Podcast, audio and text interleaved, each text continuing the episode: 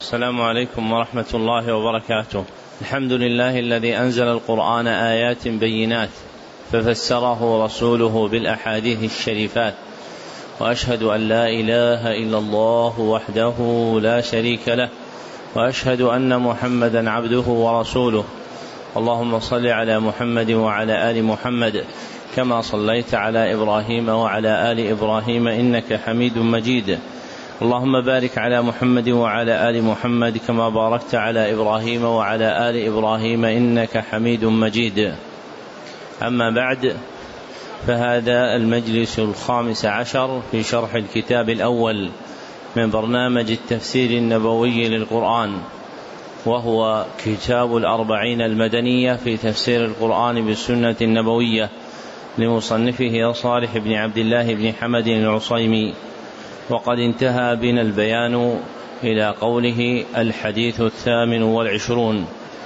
وقبل الشروع في بيان معانيه والإشارة إلى مغانيه يجدر رجع القول إلى جمل مما تقدم في المجلس السابق. فإنا شرحنا في المجلس السابق الحديث الرابع والعشرين والخامس والعشرين والسادس والعشرين والسابع والعشرين. فأما الحديث الأول منهن وهو الحديث الرابع والعشرون فهو حديث أبي سعيد الخدري رضي الله عنه قال سمعت النبي صلى الله عليه وسلم يقول يكشف ربنا عن ساقه الحديث. فمن هو أبو سعيد الخدري؟ أحسنت. هو سعد بن مالك ابن سنان الأنصاري الخزرجي الخدري. يكنى أبا سعيد. أول مشاهده مع النبي صلى الله عليه وسلم يوم الخندق وتوفي سنة أربع وسبعين. ثم ذكرنا أن هذا الحديث من المتفق عليه فهو مما خرجه البخاري ومسلم واللفظ للبخاري. ثم بينا تفسير هذه الآية وهي قوله تعالى يوم يكشف عن ساق. وأن معنى ذلك ماذا؟ يوم يكشف الله عن ساقه. فالساق التي وقعت منكرة في القرآن وقعت في الحديث مضافة إلى الله سبحانه وتعالى فهي من جملة الصفات الإلهية الثابتة لربنا عز وجل والقول فيها كالقول في سائر الصفات إثباتا للكمال اللائق بربنا سبحانه وتعالى. ثم ذكرنا أن ما صح عن ابن عباس رضي الله عنهما أنه قال يوم يكشف عن ساق عن كرب وشدة أنه معنى صحيح باعتبار المتبادر من الآية فإن الآية وقع فيها وقعت فيها كلمة الساق منكرة غير مضافة وإذ تجردت عن الإضافة صح حملها على هذا المعنى ولولا بيان الحديث لها لما أمكن حملها على معنى ساق ربنا عز وجل لما تقرر من أن العلم بالصفات مبني على التوقيف. لكن لما ورد الحديث صلح أن يكون تفسيرا للآية. ذكره القرطبي وابن عاشور في التحرير والتنوير. وما ذكره ابن عباس هو وصف ملازم يوم القيامة فإن يوم القيامة يوم كرب وشدة. ثم ذكرنا في الحديث الخامس والعشرين وهو حديث عائشة رضي الله عنها إن كان ليوحى إلى رسول الله صلى الله عليه وسلم أن عائشة هي بنت أبي بكر واسمه هاي جميل. سنت عبد الله بن عثمان وأنها قرشية تيمية تكنى أم عبد الله وهي حبيبة رسول رب العالمين الصديقة بنت الصديق رضي الله عنها وأرضاها. توفيت سنة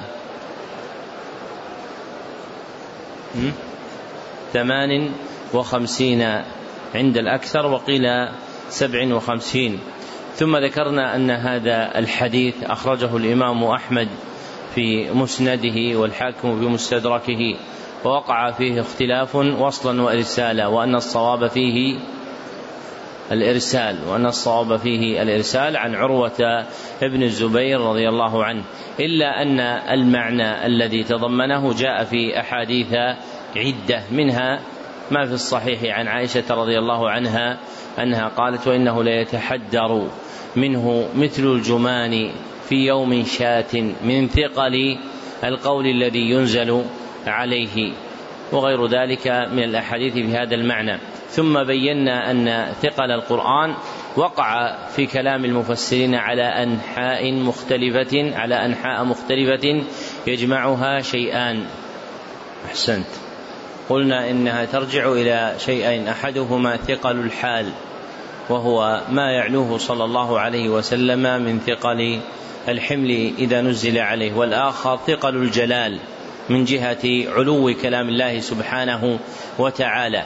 والموافق للأحاديث الواردة هو الأول فقد تعددت الأخبار عن النبي المختار في ذكر الحال التي تعتريه من الشدة والثقل إذا أنزل الله سبحانه وتعالى عليه القرآن الكريم.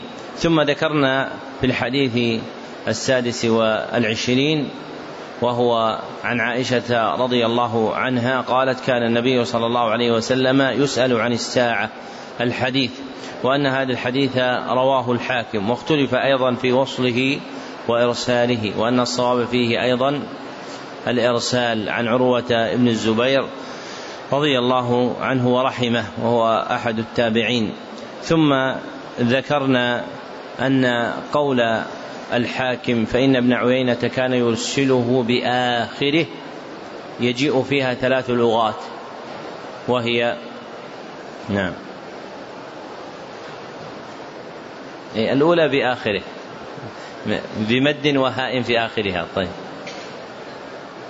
أحسنت. والثانية بمد وتاء تانيث بآخرة. والثالثة؟ والثالثة بلا مد وبتاء تانيث بأخرة.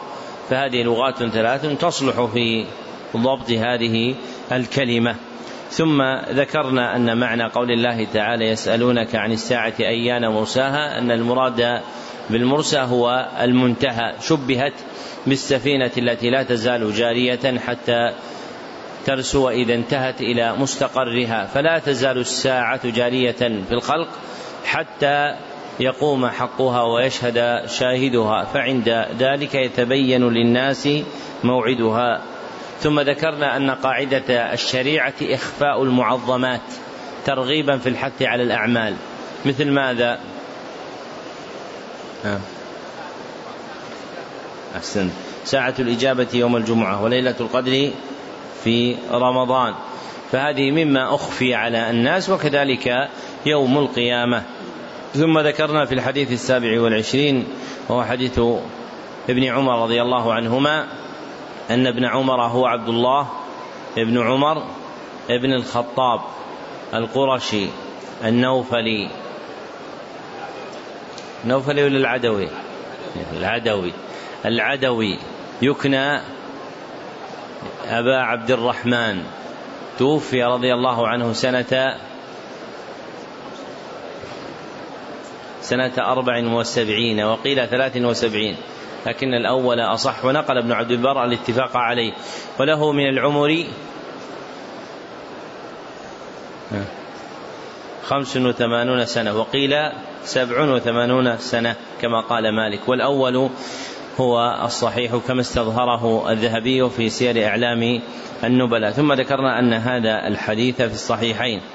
وأنه تفسير لقوله تعالى يوم يقوم الناس لرب العالمين وأن قيامهم يكون في العرق الذي يعلوهم إذا أدنيت منهم الشمس قدر ميل كما في حديث المقداد بن الأسود عند مسلم وهذا العرق الذي يطرأ عليهم سببه إيش؟ سببه دنو الشمس لكن مقاديره الأعمال السيئة. ما الدليل على الأعمال السيئة؟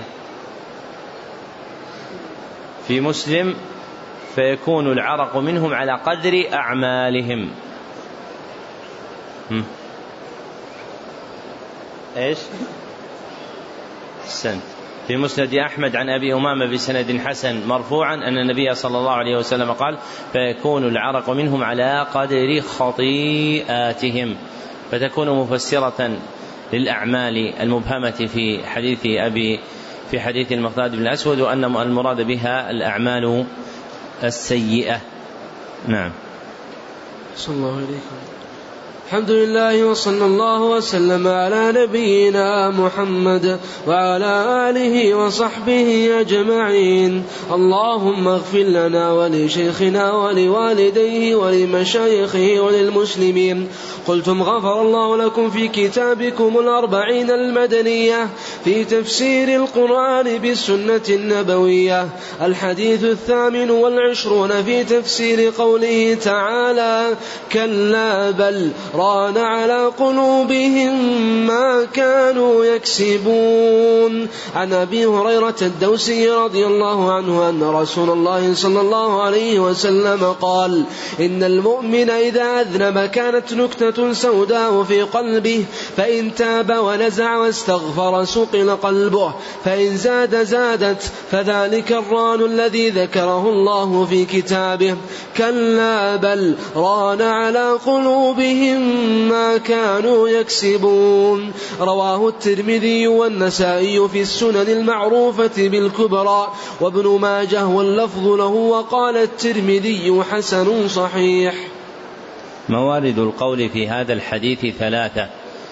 فالمورد الأول في تعريف راوي الحديث وهو عبد الرحمن ابن صخر ابن عبد ذي الشرى الدوسي.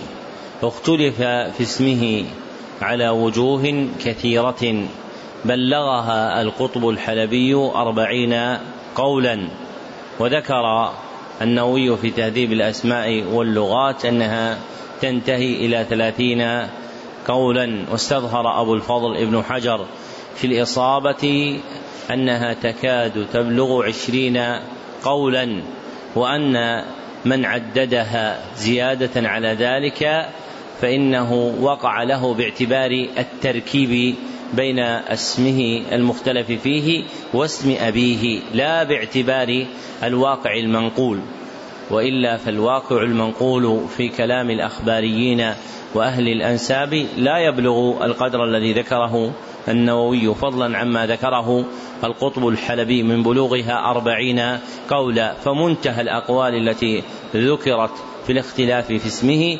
عشرين عشرون قولا أشهرها عند المحدثين أن اسمه عبد الرحمن بن صخر الدوسي. يكنى أبا هريرة وبهذه الكنية اشتهر رضي الله عنه وأرضاه. توفي بالمدينة سنة سبع وخمسين في أصح الأقوال وله من العمر ثمان وسبعون سنة. وأما المورد الثاني ففي تخريج الحديث فهذا الحديث وقع في الكتاب عزوه إلى الترمذي أي في جامعه ثم إلى النسائي في السنن وقال المعروفة بالكبرى تمييزا لها عن الصغرى واحتيج إلى هذا لما خفي اسمهما فإن الصغرى تسمى المجتبى من السنن المسندة وأما الكبرى فتسمى السنن. ولو التزم الناس الاسم الذي سمى به النسائي كلا من كتبه لما وقع هذا الاشتباه لكن صار الحل لهذا الاشتباه من جهة إطلاق اسم السنن على كليهما يفتقر إلى تمييز أحدهما وهو المجتبى بالصغرى وإلى تمييز الآخر وهو كتاب السنن بالكبرى ليقع الفرق بينهما. فهذا الحديث مما أخرجه في سننه الكبرى وأخرجه أيضا ابن ماجه في سننه واللفظ له أي اللفظ المذكور هو له. وتقدم أن من قواعد تقديم اللفظ اختيار الأتم وإلى ذلك أشرت بقولي إيش؟ نعم. فإن يكن مضعفا فالطرح أم. عند اختيار اللفظ قدم الأتم. فإن يكن مضعفا فالطرح أم. وهذا الحديث أخرجه النسائي أخرجه الترمذي في جامعه. قال حدثنا قتيبة بن سعيد قال حدثنا الليث عن ابن عجلان عن القعقاع بن حكيم عن أبي صالح عن أبي هريرة رضي الله عنه. وأخرجه النسائي في سننه. قال أخبرنا قتيبة بن سعيد قال حدثنا الليث عن ابن عجلان بالإسناد المتقدم. فما الفرق بين رواية الترمذي والنسائي؟ ما الفرق بينهما؟ أنتم سمعتم الإسنادين ما الفرق بينهما؟ ها؟ عند من؟ لا حدثنا الليث حدثنا والنسائي؟ أحسن الفرق بينهما أن الترمذي قال حدثنا قتيبة والنسائي قال أخبرنا قتيبة. ووجه الفرق أن النسائي يلتزم عن أشياخه أن يقول أخبرنا ولا يقول حدثنا ولم يقع ذلك في سننه إلا في موضع واحد. أظنه تحريف من النشرة التي بأيدي الناس فالأصل فيه هو وإسحاق بن راهويه أنهما إذا حدثا عن أشياخهما أنهما لا يعدلان عن قول أخبرنا. وفي مثل هذا فإن مسلما إذا ساق حديثا يقول قال فلان حدثنا وقال فلان أخبرنا للتمييز بينهما على الاختلاف المعروف في هذه المسألة من التسوية أو التفريق بينهما. وأما ابن ماجه فأخرج هذا الحديث في سننه. قال حدثنا هشام بن عمار عن عبيد الله بن موسى والوليد بن مسلم كلاهما عن ابن عجلان بهذا الإسناد. فمدار روايتهم على ابن عجلان عن القعقاع عن أبي صالح عن أبي هريرة وهذا إسناد حسن. فالحديث حديث حسن ثابت عن النبي صلى الله عليه وسلم. وأما المورد الثالث وهو بيان ما يتعلق منه بتفسير الآية وهي قوله تعالى كلا بل ران على قلوبهم ما كانوا يكسبون فبين النبي صلى الله عليه وسلم حقيقة الران إذ قال إن المؤمن إذا أذنب كانت نكتة سوداء في قلبه يعني وجدت نكتة سوداء في قلبه فمن أثر المعصية طروء سوداد يعتري القلب فإن تاب العبد ونزع أي أقلع عن ذنبه واستغفر صقل قلبه أي طهر فمحي عنه ذلك الاسوداد الذي اعتراه والاسوداد الذي يعتري المعادن يندفع بصقلها بإمرار آلة قوية عليها حتى حتى يذهب ذلك الاسوداد الذي اعتراها. وهذا يدل على قوة أثر الاستغفار في محو الذنب وأن الذنب مع شدة سواده الذي يعلق بالقلب فإن العبد إذا استغفر الله سبحانه وتعالى محي ذلك السواد الذي صار على قلبه. فإن زاد أي زاد من الذنب زادت أي زادت تلك النكتة. فذلك الران الذي ذكره الله في كتابه كلا بل ران على قلوبهم ما كانوا يكسبون. فالران هو اسوداد القلب لإصابة العبد الذنوب وإقامته عليها. هو اسوداد القلب لإصابة العبد الذنوب وإقامته عليها. فإذا استكثر العبد من الخطيئات ولم ينزع عنها استحكم ذلك الاسوداد على قلبه حتى يكون محيطا به. وقد جاء عن جماعة من السلف كحذيفة بن اليمان ومجاهد بن جبر أنهما قالا القلب كالكف إذا أذنب العبد ذنبا قبض أصبع. فإن أذنب آخر قبض أصبع فإن كثرت ذنوبه قبضت أصابعه فذلك الران. يعني أن الذنوب تعتور القلب كحال جمع الأصابع إلى باطن الكف. فإذا استكثر الإنسان من الذنوب كأنما جمعها على قلبه فعند ذلك وقع الران على قلبه. ويقال أيضا له الرين وأصله الصدأ الذي يعلو السيف وغيره فإن العرب تسميه رينا وهذا الصدأ يدفع بمعالجة تدرأ أثره على الآلة التي علق بها من سيف أو غيره وكذلك ما يطرأ على القلب من أثر الذنب يدفع بما يصقله من التوبة والاستغفار. لله سبحانه وتعالى. فإذا استغفر الإنسان محي عنه ذلك الران. والعبد لا يلام على صدور الذنب منه كما يلام على بقائه عليه. فإن الإقامة عن الذنب على الذنب هي العورة التي لا تستر. وأما جريان الذنب من العبد فذلك من قدر الله عليه. والواجب عليه إذا وقع في ذنب أن يبادر إلى التوبة. فإن بقي على الذنب فقد أذنب ذنبا بعد الذنب الأول وهو عدم مبادرته إلى التوبة. قال أبو العباس بن تيمية في التدمرية من أذنب فندم فتاب فقد أشبه أباه. يعني آدم ومن شابه أباه فما ظلم. انتهى كلامه. ومما وقع في كلام جماعة من أهل العربية كأبي إسحاق الزجاج وأبي منصور الجواليقي قولهم إن الرين كالغين وهما حجاب يعلو القلب. إن الرين كالغين وهما حجاب يعلو القلب.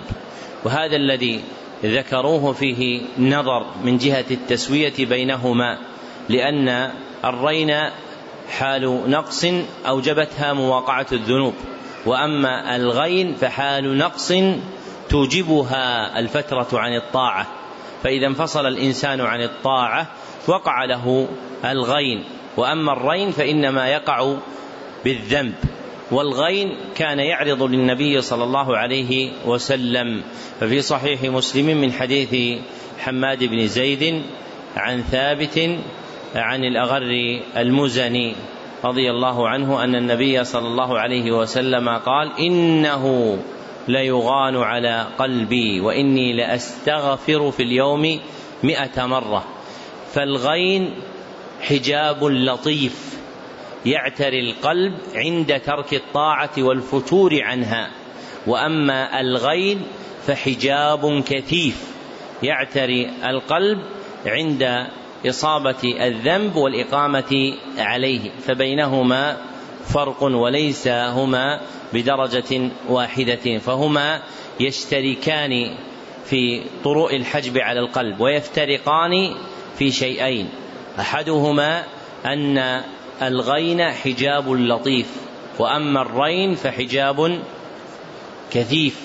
والآخر أن الرين ناتج من إصابة الذنب والإقامة عليه. وأما الغين فناتج من الفتور عن الطاعة.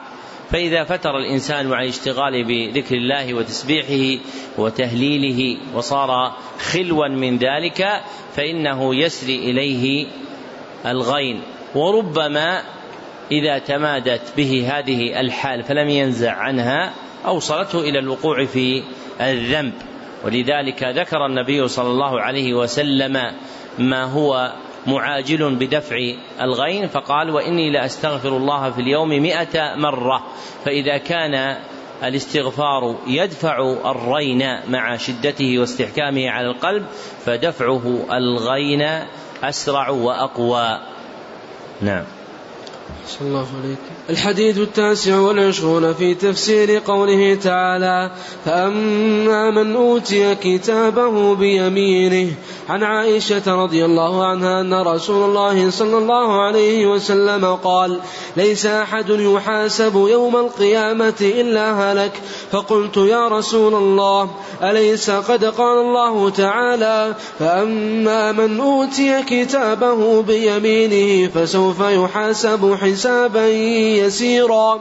فقال رسول الله صلى الله عليه وسلم إنما ذلك العرض وليس أحد يناقش الحساب وليس أحد يناقش الحساب يوم القيامة إلا عذب.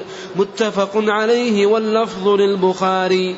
موارد القول في هذا الحديث ثلاثة فالمورد الأول في تعريف راوي الحديث وهو عائشة بنت أبي بكر واسمه عبد الله بن عثمان القرشية التيمية.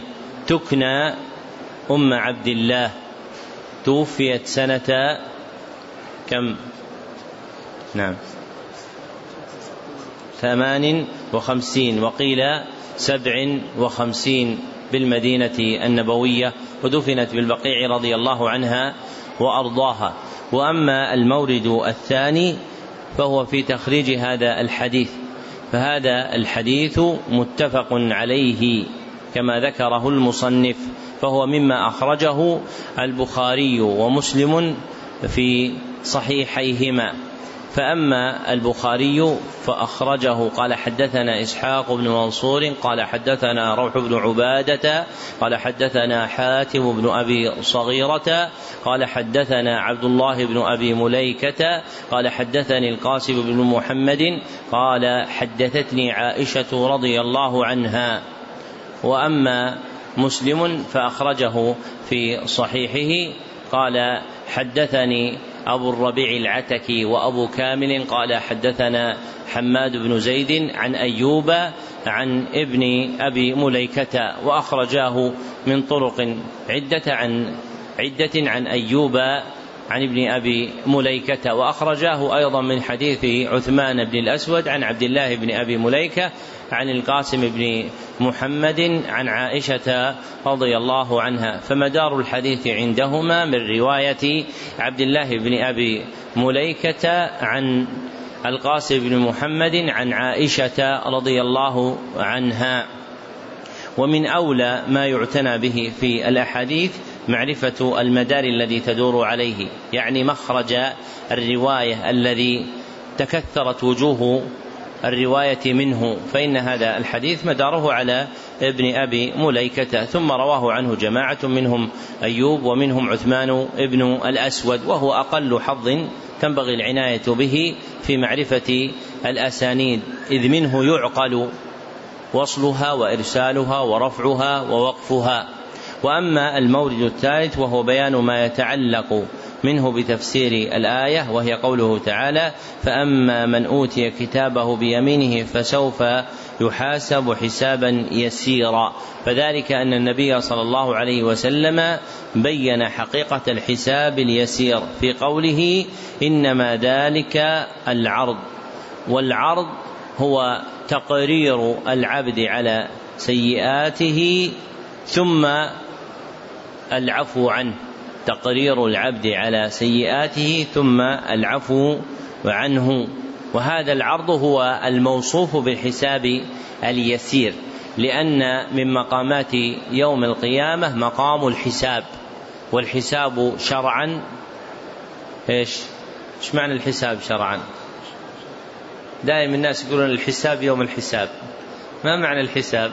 يوم القيامة الحساب شرعا هو عد أعمال العبد يوم القيامة. تقدم معنا في الواسطية. عد أعمال العبد يوم القيامة. فإذا أطلق الحساب في الشرع فالمراد به هذه الحقيقة. وهو نوعان. أحدهما الحساب اليسير. الحساب اليسير. ويسمى العرض. وحقيقته تقرير العبد على سيئاته ثم العفو عنه. والآخر الحساب العسير. وحقيقته مناقشة العبد في أعماله ومؤاخذته عليها. مناقشة العبد في أعماله ومؤاخذته عليها. وهو المراد بقوله صلى الله عليه وسلم وليس أحد يناقش الحساب يوم القيامة إلا عذب وهو بعض العسر الذي يكون في تلك الحال. فإن يوم القيامة يوم عسير كما أخبر الله سبحانه وتعالى. ومن عسره ما يقع من تشديد الحساب على من يناقش فيه. فإذا نوقش العبد الحساب فإنه قد وقع في حال كرب وشدة. وهذا معنى قوله صلى الله عليه وسلم ليس أحد يحاسب يوم القيامة إلا هلك لأنه يناقش في أعماله التي عمل ويقرر عليها ويبكت على فعله إياها فيما خالف فيه خطاب الشرع ثم يؤاخذ بها ويرى عقابه عليها. وإذا كان هذا الأمر واقعا يوم القيامة كان من أعظم ما يخافه العبد حساب ربه عز وجل له إذا ورد عليه يوم القيامة. فإن مقامات يوم القيامة مقامات عظيمة ومنها ما هو مقدمة لما بعده. كالحساب فإنه مقدمة للجزاء. فمن كان حسابه يسيرا فاز بجزائه. ولذلك قال الله عز وجل في هذه الآية وأم فأما من أوتي كتابه بيمينه فسوف يحاسب حسابا يسيرا وينقلب إلى أهله مسرورا لأنه رأى جزاءه بعد حسابه بخلاف من يشدد عليه الحساب فإنه يكون منقلبا في حال ويل وثبور. ومن ظن أنه يفلت من حساب الخلق فلا يحسبن أنه يفلت من حساب الخالق سبحانه وتعالى. وقد ذكر أبو الفرج ابن رجب رحمه الله تعالى أن عمر بن الخطاب رضي الله عنه وأرضاه رؤي بعد موته بتسع سنين فقال له رائيه ما فعل الله بك يا ابن الخطاب؟ فقال عمر الآن فرغت من الحساب. فإذا كان مثل عمر رضي الله عنه تعرض له هذه الحال فكيف بغير عمر رضي الله عنه؟ ومثل هذه المرائي عند أهل السنة والجماعة هي مما يجري في مقام الاستئناس بها ترغيبا أو ترهيبا لأن الرؤيا حق مقطوع به ويظهر الله سبحانه وتعالى بها لمن شاء من خلقه العظة والعبرة واقتباس الفكرة. نعم. الله عليكم الحديث الثلاثون في تفسير قوله تعالى واليوم الموعود وشاهد ومشهود. عن أبي هريرة الدوسي رضي الله عنه قال قال رسول الله صلى الله عليه وسلم اليوم الموعود يوم القيامة واليوم المشهود يوم عرفة والشاهد يوم الجمعة. الحديث رواه الترمذي وأشار إلى ضعفه. موارد القول في هذا الحديث ثلاثة. فالمورد الأول في تعريف راوي الحديث وهو عبد الرحمن ابن صخر ابن عبد الشرى الدوسي يكنى أبا هريرة توفي بالمدينة سنة كم؟ سبع وخمسين أو ثمانية وخمسين. سنة سبع وخمسين في أصح الأقوال وله من العمر ثمان وسبعون سنة. وأما المورد الثاني فهو في تخريج الحديث فهذا الحديث عزاه المصنف إلى الترمذي واكتفى به تنبيها إلى أنه لم يروه أحد من أصحاب الكتب الستة سوى الترمذي في جامعه. فأخرجه الترمذي في جامعه قال حدثنا عبيد عبد بن حميد قال حدثنا روح بن عبادة وعبيد الله بن موسى عن موسى بن عبيدة عن أيوب بن خالد عن عبد الله بن رافع عن أبي هريرة رضي الله عنه فذكره. وقال المصنف وأشار إلى ضعفه أي أشار الترمذي إلى ضعفه. اذا قال هذا حديث لا نعرفه إلا من حديث موسى بن عبيدة وموسى بن عبيدة يضعف في الحديث. انتهى كلامه. فإسناد هذا الحديث ضعيف لضعف موسى بن عبيدة. وروي هذا الحديث من وجه آخر عند أحمد من رواية علي بن زيد عن عمار مولى بني هاشم عن أبي هريرة رضي الله عنه وإسناده ضعيف لضعف علي بن زيد بن جدعان وقد أخطأ فيه فرواه أحمد في مسنده من حديث يونس بن عبيد عن عمار مولى بني هاشم عن أبي هريرة رضي الله عنه موقوفا وهو المحفوظ عن أبي هريرة رضي الله عنه. إلا أن الرواة عن عمار مولى بني هاشم اختلفوا في متنه اختلافا كثيرا. يقطع الناظر معه أن عمارا لم يحفظ هذا الحديث. وهو من جملة الصدوقين الذين لهم أوهام. فيشبه أن يكون هذا الحديث لا يثبت مرفوعا ولا موقوفا. وروي من وجه آخر من حديث أبي مالك الأشعري رضي الله عنه عند الطبراني في الكبير ومسند الشاميين.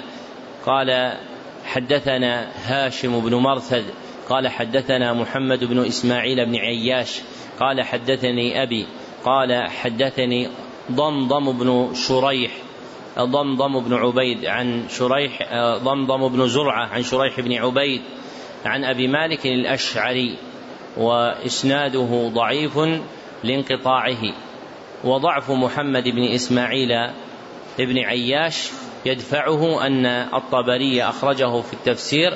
قال حدثنا محمد بن عوف قال حدثنا محمد بن إسماعيل بن عياش عن أبيه بالإسناد المتقدم. فإن محمد بن عوف مما ذكر في أخباره أنه سمع أحاديث إسماعيل بن عياش عن ابنه محمد ثم أخذها من كتاب إسماعيل بن عياش. فيكون هذا الحديث من جملة حديث إسماعيل بن عياش الثابت في كتبه فلا يبقى له علة إلا الانقطاع وهو أحسن ما يروى في هذا الباب. أعني حديث أبي مالك الأشعري وهو ضعيف لانقطاعه ولا يصلح أن يقوى أحدهما بالآخر لأن حديث أبي هريرة لا يثبت مرفوعا عنه والأشبه أنه موقوف من كلامه. ثم إذا كان موقوفا من كلامه لم يبق في المرفوع إلا حديث أبي مالك الأشعري وهو ضعيف الإسناد. وأما المورد الثالث وهو بيان ما يتعلق منه بتفسير الآية وهي قوله تعالى واليوم الموعود وشاهد ومشهود. فوقد وقع في الحديث تفسير اليوم الموعود بيوم القيامة واليوم المشهود, واليوم المشهود يوم عرفة والشاهد يوم الجمعة. وتقدم أن هذا الحديث لا يثبت والذي يظهر مما جاء في القرآن أن اليوم الموعود هو كما أخبر عنه في هذا الحديث أنه يوم القيامة كما قال تعالى ربنا إنك جامع الناس ليوم لا ريب فيه إن الله لا يخلف الميعاد. وقال تعالى فكيف إذا جمعناهم ليوم لا ريب فيه؟ فهذه الآية وما كان في معناها يدل على أن اليوم الموعود الذي أراده الله عز وجل في سورة البروج هو ما أخبر عنه من ورود يوم القيامة وعدا لا يتخلف من الله عز وجل. وأما الشاهد والمشهود فالشاهد في لسان العرب هو المطلع أو المطلع هو المطلع والمخبر والرقيب. هو المطلع والمخبر والرقيب والمشهود هو المطلع عليه والمخبر عنه هو المطلع عليه والمخبر عنه. واضطربت أقوال المفسرين في تعيين الشاهد والمشهود اللذين يصح عليهما الوضع العربي. وبلغ اختلاف أقوالهم ثلاثين قولا حكاه الألوسي في تفسيره. وأحسن هذه الأقوال أن قوله تعالى وشاهد ومشهود يصدق على كل شاهد مخبر عن غيره وأن قوله ومشهود يصدق على كل مخبر عنه ويكون ما ذكره المفسرون من جهة ضرب المثال فهو لا يختص بشيء من الأشياء دون غيره كيوم عرفة أو يوم الجمعة أو قول من قال إنه النبي صلى الله عليه وسلم وأمته فالأصح أنه لا يختص بأحد من تلك الأعيان بل يشمل كل ما صح عليه وصف الشاهد والمشهود وهذا هو اختيار جماعة من المحققين منهم ابن جرير الطبري في تفسيره وأبو عبد الله بن القيم في كتاب التبيان وهذا آخر البيان على هذه الجملة من الكتاب. ونستكمل بقيته إن شاء الله تعالى في درسين غدا أحدهما بعد صلاة الفجر والآخر في مثل هذا الوقت. فسنزيد درسا آخر في الفجر عوضا عن درس الحديث الذي فرغنا منه. وغدا بإذن الله تعالى نختم هذا الكتاب في مثل هذا الوقت. الحمد لله رب العالمين وصلى الله وسلم على عبده ورسوله محمد وآله وصحبه أجمعين.